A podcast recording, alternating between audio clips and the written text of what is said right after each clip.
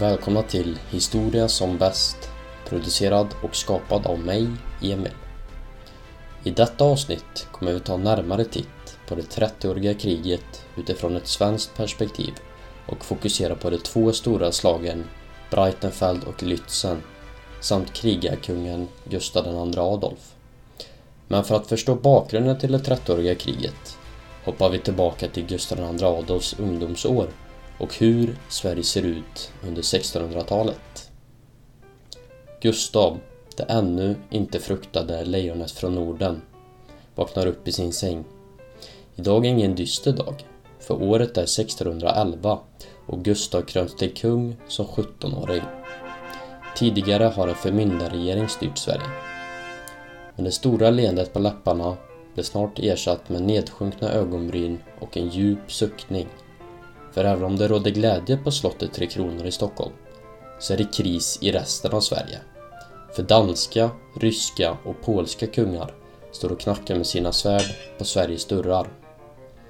Gustav II Adolf var en välutbildad man som var ett militärt geni och duktig i talets konst. Kanske var det med den egenskapen som Gustav lät charma sin ungdomskärlek Ebba Brahe, som var en ung, vacker hovdam. Gustav och Ebba hade planer på att gifta sig men som snabbt fick motstånd ifrån Gustavs egna mamma Kristina för hon hade andra planer för Gustav. Nämligen ett giftermål med kungligt blod i ådrorna. Gustav insåg sin plikt för sitt land och att giftermål mellan länder var betydelsefullt för allianser. Därav gifte sig Gustav med en av Europas vackraste drottningar, Maria Eleonora av Brandenburg. De fick tre barn tillsammans, även fast de hade haft motgångar med missfall och barn som dött i förlossning. Barnen kom att kallas Kristina, Gustav Gustafsson och Anna Gylander. Kristina blev så småningom krönt till drottning men abdikerade på grund av att hon konverterade till katolicismen. Vid 1600-talets början lever knappt en miljon människor i Sverige Förutom krig så plågas medborgare av pest och fältsjukan med blodiga diarréer och tarminfektioner. Det beräknas att ungefär en tredjedel av Stockholms befolkning, det vill säga 20 000 människor, dött i pest. Sverige är i starkt behov av mer soldater och en bättre armé. Därför kommer Gustav II Adolf med hjälp av Axel Oxenstierna omorganisera Sveriges militär och göra den till en av Europas mest fruktade militärstyrkor.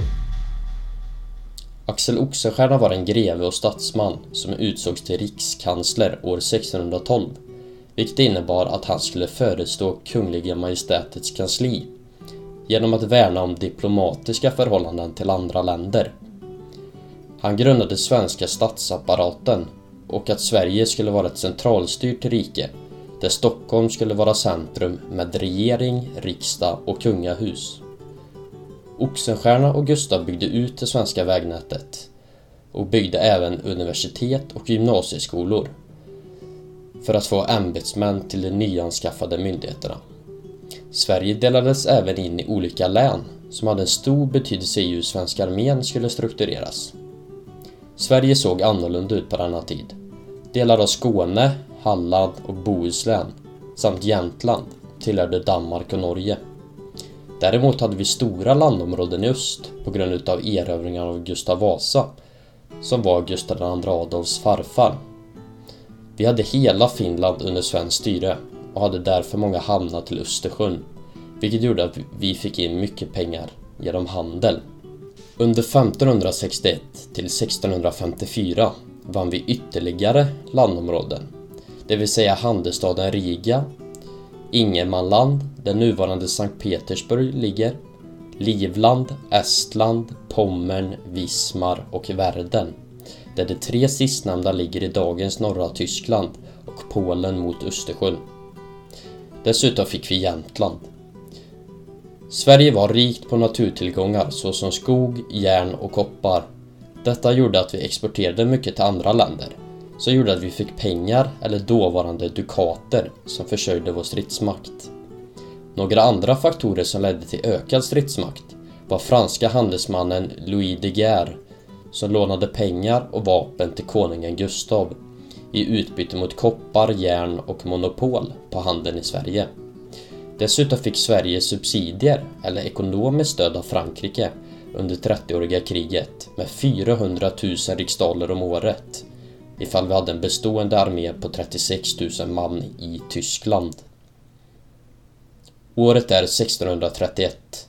Första stora slaget för protestanterna ligger nu i händerna på vad många påstår är ett militärt geni från Norden. En förödande förlust vore slutet för nationen Sverige och protestantismen. Innan vi dyker in i slaget vid Breitenfeld så finns det en del nyckelpersoner och detaljer som är viktiga att nämna. För det första är 30-åriga kriget ett religiöst krig mellan protestanter och katoliker. Men varför väljer Frankrike att hjälpa Sverige i ett krig som strider mot deras egna religion? Det beror på att Frankrike inte vill att tysk-romerska riket skulle växa sig ännu starkare eftersom de låg tätt vid gränsen till Frankrike. Gustav II Adolf är ledarfigur för den protestantiska sidan och Johan Serklaas Tilly är katolska ledarfiguren för den kejserliga armén. Ett år innan slaget vid Breitenfeld anlände Gustav med 13 000 man i Baltikum. Många protestanter i norra Tyskland hurrar och tjoar för deras ledarfigur och svär trohet inför honom. Kejserliga armén blir usinniga och rider före Gustav till en stad kallad Magdenburg som svor trohet till Gustav II Adolf. Kejserliga armén bränner ner hela staden, våldtar och mördar en stor del av befolkningen. Detta gjorde att protestanterna blev vansinniga och fler slöt sig till kampen mot katolicismen. Det är den 7 september 1631. Gustav rider upp på en kulle och ser ut över fiendens trupper. Framför honom befinner sig 35 000 soldater under Johan Tillys befäl. I center får Gustav syn på fiendens stora artilleripjäser och långa rader av infanteri som bestod av mycket pekenare. Till höger om centern med infanteri ser Gustav ryttare ledda av fältmarskalken Gottfried Pappenheim. Gustav tittar nu mot andra sidan av slagfältet och ser mer kavalleri, lett av fältmarskalk Furstenberg. Bakom Gustav befinner sig 23 000 svenska soldater som fått understöd av kurfursten Johan George Satchen med 18 300 man. Sveriges soldater var vältränade och bestod av Gustav II Adolfs omorganisationer med mer musköter och mindre pikenare som var effektiva mot kavalleri. Dessutom det nya lättmanövrerbara artilleriet, lett av Lennart Torstensson. På flyglarna befann sig Johan Baner och Gustav Horn som totalt utgjorde 7600 ryttare. Klockan är slagen 12 och artillerield bryts ut mellan de två arméerna. Infanteriet och ryttare stod fasta och såg sina kamraters flygande kroppsdelar sprida sig ut över slagfältet. Två timmar passerar och katolikernas fältmarskalk Pappenheim ger order om en attack på Gustavs högra flygel emot Baners ryttare. Muskötskott lossas av emot ryttarna och många stupas. Efter upprepade försök att slå igenom Baner och hans kavalleri avbryter nu Pappenheim utan framsteg. Nu såg Tilly sin chans att attackera då protestanterna var fokuserade på Pappenheims kavalleri. Han inledde ett stort anfall emot Sachiska armén som befinner sig på högra sidan av slaget. Det var med en enorm succé som Tilly och Furstenberg drev Johan George och de sachiska soldaterna på flykt. Men svenskarna stod kvar och Horn bildade en front mot vänster emot Tilly och Furstenberg. Gustav Adolf sände infanteri som förstärkning, så gjorde linjen mot vänster starkare. De lätta artillerikanonerna som vridit sig mot vänstra sidan öppnade nu eld mot kejserliga armén och musketerarna öppnade eld. Tilly led enorma förluster av detta och på slagfältets vänstra sida pågick en annan strid. För Pappenheim var på flykt ifrån Baners kavalleri som red i rasande fart emot dem. Baner lyckades förgöra många ryttar och begav sig bakom fienders linjer på högra sidan vid Horn. Medan detta pågick erövrade Gustav Adolf center, fiendens artilleri, och vinklade dem emot Furstenberg och Tilly. Den kejserliga armén befann sig nu i ett katastrofalt läge. De hade en helt ny front emot sig och ryttare som red in i deras led. Soldaterna hade även artillerield emot sig och fruktansvärd musköteld. Förlusten för den kejserliga armén var nu ett faktum. Gustav II Adolf hade vunnit striden med sina fältmarskalkar och generaler. Totalt avled 5550 från den protestantiska sidan, medan på den katolska sidan stupade 7600 och 6000 tillfångatogs. Efter detta slag gick Sverige från ett bondesamhälle till militärmakt att räkna med. Det är nu dags för avsnittets första minikapitel. Kapitel 1 Matvanor under den aktuella perioden. Under 1600-talet serverades stora middagar med uppemot åtta rätter fader. Rätter som innehöll kräftor, fläsk, lingon, ansjovis med mera. För bönder blev det istället bröd, gröt, välling och pasta. Soppor och grytor var även vanliga och hade man lite extra pengar eller resurser kunde ibland fläsk och kyckling dyka upp på tallriken. Under 1600-talet var missväxt och svält vardag för människor. Därför sparade bönder på den mat och ingredienser de kunde få tag på så länge som möjligt. Matlagning på denna tid skedde över eld och vid vissa rika hushåll kunde även en ugn finnas till hand. Under denna tidsepok infördes även två måltider per dag, middag och kvällsmål, som fortfarande lever kvar idag. Frukost undveks eftersom det var syndigt att bryta fastan som skett under natten, tidigt på morgonen. Nya taktiker och strategier började användas av Gustav II Adolf. 1619 infördes, införde Gustav krigsfolksordningen som var en form av det äldre indelningsverket som Gustav Vasa tidigare skapat. Detta gjorde att Sverige hade en bestående armé som tränades och drillades till perfektion istället för att använda sig av dyra legosoldater som många andra länder utrustade, utrustade sig med när det var dags för krigsföring. Inspiration hämtades ifrån bland annat spanjorer som använde sig av tertior där pikenare stod tätt intill varandra och på sidorna stod musketerare. Gustav gav också kyrkan uppdrag att få fram stridsdugliga män mellan 15 och 60 år. Dessutom hade bönder till uppgift att få ut stridsdugliga män. Två goda skapade en rote, som sedan skulle stå för en soldat. Gustav skapade också landsregementen med 12 kompanier som bestod av 3264 man och varje kompani bestod av 272. Förutom fotsoldater var kavalleriet viktigt och Gustav rustade upp 13 kompanier. Men för att göra landsregementen smidigare och mer lättmanövrerade skapade Gustav åtta fältregementskompanier bestående av 147 man vardera. Och av dessa 147 män var 54 så kallade pikenare utrustade med långa spjut effektiva mot fiendens kavalleri. De 72 resterande var musketerare. Detta ledde till en ökad manövrering och eldkraft. Dessutom införskaffades skvadroner på 588 man, men som sammanfogades till fyra skvadroner för mer effektivitet som sedan utgjorde den svenska brigaden på 2352 man. Den svenska brigaden använde sig av ett nytt stridsföringsstrategi. Istället för att stå och skjuta led efter led så användes istället tre led av soldater effektivt. Det första ledet gick ner på knä medan det andra ledet böjer sig över det första ledet. Och det tredje ledet står rakt och alla led ger eld samtidigt. När fotsoldaterna laddade om gav sig kavalleriet in i rasande fart emot fiendens linjer. Gustav reformerade också artilleriet, eller kanonerna, i Sveriges militär.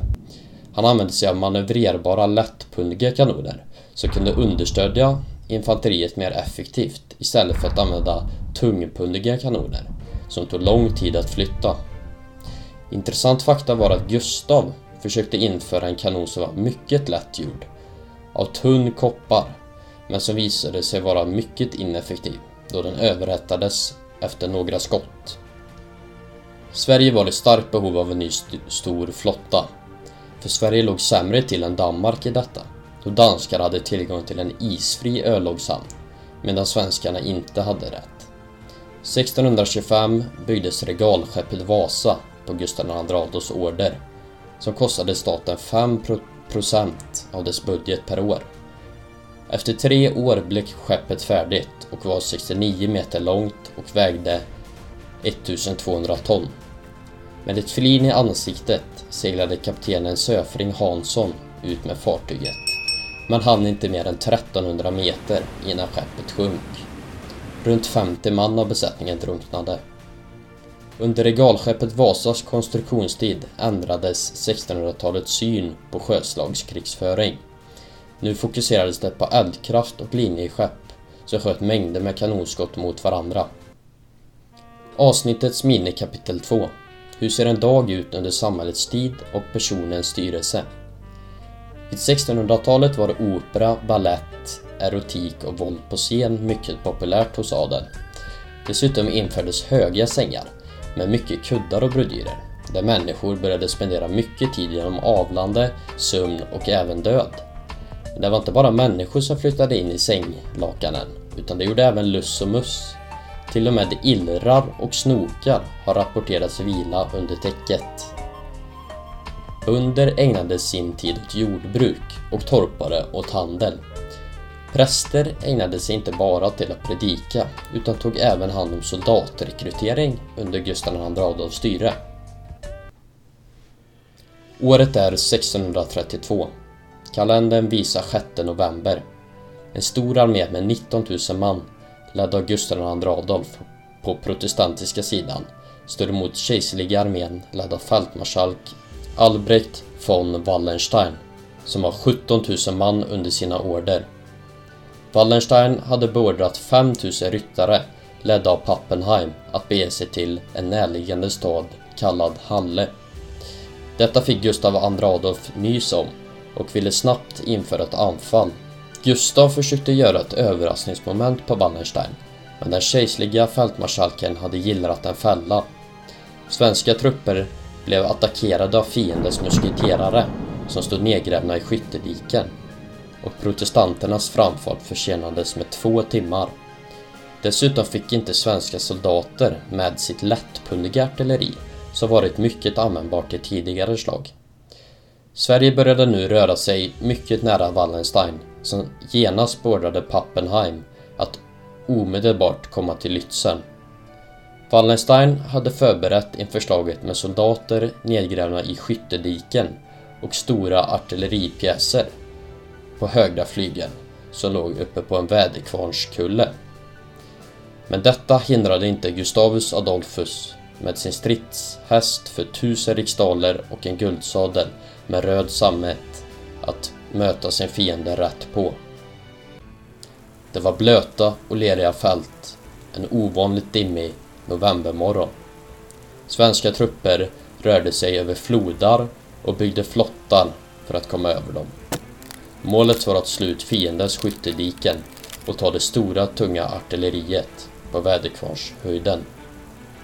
Generalen Nils Brahe, som ledde Gula brigaden, lyckades med sina mannar att undanröja många fiendetrupper i dikena. Protestanterna och dess olika brigader, bestående av Gula svenskbrigaden, Blå brigaden och Gröna brigaden, erövrade tunga kanoner i närområdet. Gröna brigaden var under svår artilleribeskjutning och kavalleriet på vänstra flygeln kunde inte bryta sig igenom. Det kunde däremot ryttare på högra flygeln göra, som gjorde att fiendens fotmän och ryttare började dra sig tillbaka.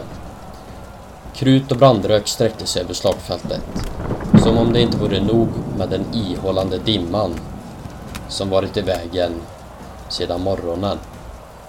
Wallenstein får förstärkning av Pappenheim med sina 5000 ryttare som tidig tidigare hade varit i Halle. De riktar in sig på kavalleriet som befinner sig på svenskarnas högra flygel. Ryttare från den protestantiska sidan fick retirera och lyckades komma undan ifrån kürassiärryttarna. Kürassiärerna riktade in sig på den svenska centern som splittrades i olika grupper. Medan detta hände attackerades svenska kavalleriet på högra flygeln återigen av ryttare. Svenska ryttare retirerar på högra flygeln.